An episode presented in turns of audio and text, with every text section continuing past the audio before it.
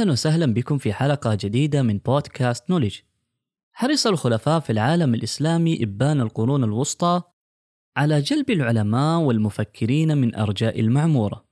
من بين أبرز إنجازاتهم أنهم أحدثوا ثورة في طريقة التعامل مع علم البصريات والرؤية بالعين ممهدين لما توصلنا إليه في العصر الحديث حيث كان علماء العالم الإسلامي في القرون الوسطى أول من أرسى قواعد فهم طبيعة الضوء.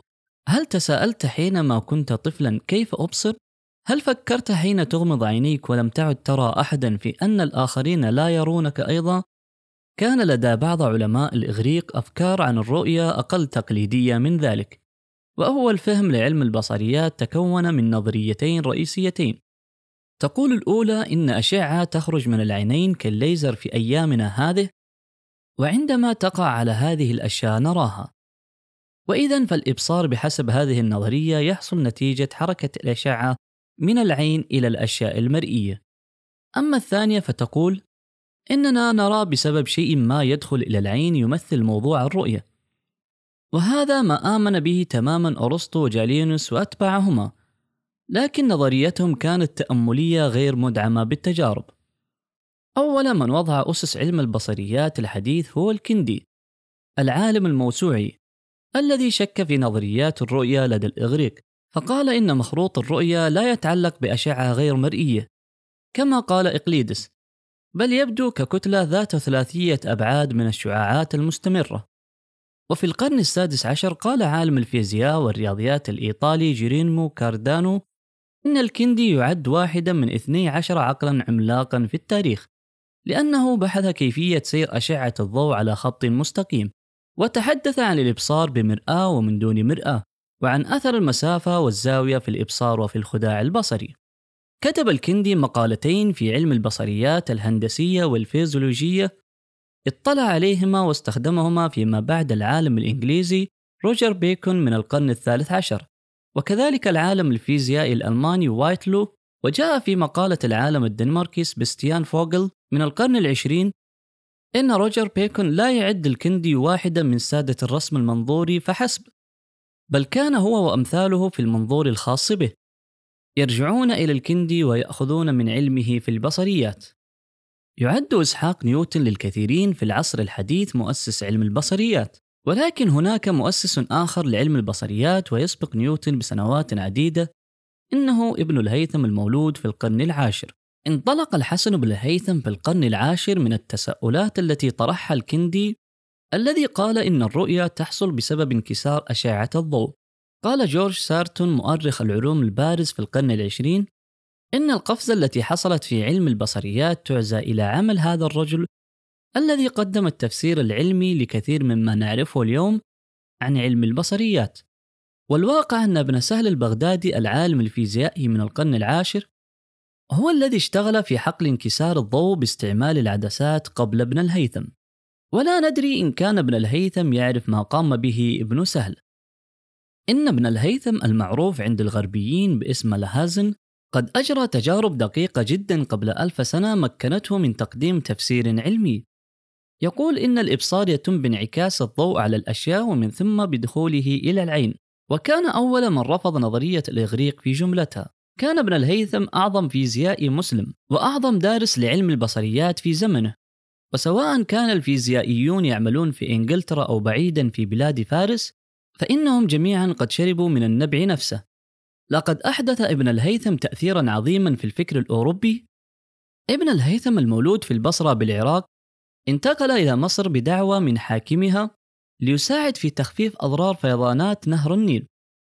وكان أول من جمع بين طريقة إقليدس وبطليموس الرياضية وبين المبدأ الفيزيائي المفضل عند فلاسفة الطبيعة وأعلن بهذا الصدد أن دراسة الإبصار البصريات تتطلب الجمع بين الفيزياء والرياضيات. كان ابن الهيثم عالم رياضيات وفلك وفيزياء وكيمياء بيد أن كتابه في البصريات كتاب المناظر أسس لهذا العلم واشتهر باسم الكتاب الكبير.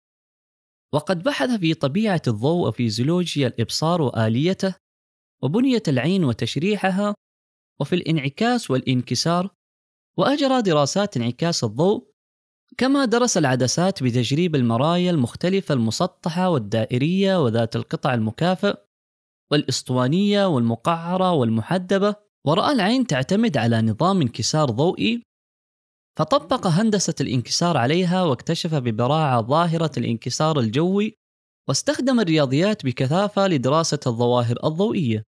استخدم ابن الهيثم البرهان التجريبي لفحص نظرياته وهو أمر لم يكن مألوفا في زمانه لأن علم الفيزياء قبله كان أشبه بالفلسفة ولا يعتمد على التجربة. فكان أول من أدخل البرهان التجريبي كشرط أساسي لقبول النظرية. وكان كتابه المناظر نقدا فعليا لأعمال بطليموس وغيره من القدماء وما زال الباحثون يستشهدون بكتابه هذا بعد ألف سنة ليدربوا طلابهم على المنهجية العلمية واكتساب الحس العلمي لئلا ينساقوا خلف الآراء المسبقة والأفكار المتحيزة. يعد من الهيثم ومن غير مبالغة أبا العلم التجريبي ويعادل تأثيره في علم البصريات تأثير نيوتن للقرون التي تلته. لكن يعتقد بعض مؤرخو العلوم قانون سنيل سنيلز لو في البصريات يعتمد على أعمال ابن سهل.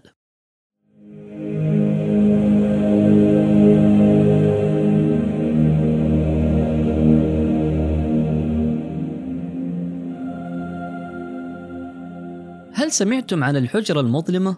كان ابن الهيثم شأنه شأن غيره من الفلاسفة وعلماء الرياضيات البارزين يتمتع بملاحظة دقيقة. كان ذات يوم في حجرة. فلاحظ أن النور يدخل من ثقب صغير في مصراع النافذة ويقع على الجدار المقابل على شكل نصف قمر عند كسوف الشمس. فاعتبر أن صورة الشمس وقت الكسوف تبين ما لم يكون الكسوف كليا حيث أنه عندما يمر ضوءها عبر ثقب صغير مدور ويقع على سطح مقابل للثقب فإنه يتخذ شكلا مخروطيا كالمنجل القمري. بفضل هذه التجارب أوضح ابن الهيثم أن الضوء يسير في خط مستقيم وعندما تنعكس الأشعة من سطح ساطع وتمر عبر ثقب صغير ولا تتبعثر يعاد تشكيله بهيئة صورة مقلوبة على سطح أبيض مسطح موازي للثقب ثم استنتج أن الصورة تكون أوضح كلما كان الثقب أصغر. واستنتج أن ضوء الشمس حيث يخترق الثقب يكون شكلا مخروطيا عند نقطة الالتقاء بالثقب الصغير. ومن ثم يكون شكلا مخروطيا آخر بعكس المخروط الأول على الجدار المقابل في الحجرة المظلمة أدت هذه المكتشفات في مراحل لاحقة إلى استخدام الحجرة المظلمة في الرسوم على نحو واسع وقد اعتمد ابن الهيثم الحجرة المظلمة ذات الثقب الصغير لدراسة مسارات الضوء بخطوط مستقيمة واستنتج أننا نرى الأجسام قائمة مستوية كما تفعل الكاميرا بفضل نقطة اتصال العصب البصري بالدماغ الذي يحلل الصورة ويتعرف إليها. كان ابن الهيثم يستخدم في أثناء تجاربه العلمية مصطلح الغرفة المظلمة الذي ترجم إلى اللاتينية بمصطلح كاميرا أوبسكرا وما زالت كلمة كاميرا قيد الاستعمال اليوم شأنها شأن الكلمة العربية قمرة التي تعني غرفة خاصة أو مظلمة. ترجم العالم جيرارد الكيرموني في العصور الوسطى بإسبانيا عددا من أعمال ابن الهيثم وخصوصا كتاب المناظر فكان له أثر عميق في مفكري القرن الثالث عشر مثل روجر بيكون ووايتلو وحتى في أعمال ليوناردو دافنشي في القرن الخامس عشر. ولقد تطورت الكاميرا اليوم من البدايات المتواضعة لغرفة ابن الهيثم المظلمة أو القمرة إلى عملية رقمية معقدة. كما ازدهر علم البصريات وغدا علما متكاملا يشمل الليزرات وتقسيم شبكية العين إلى مقاطع وبحث الومضان الأحمر لدى السمك الهلامي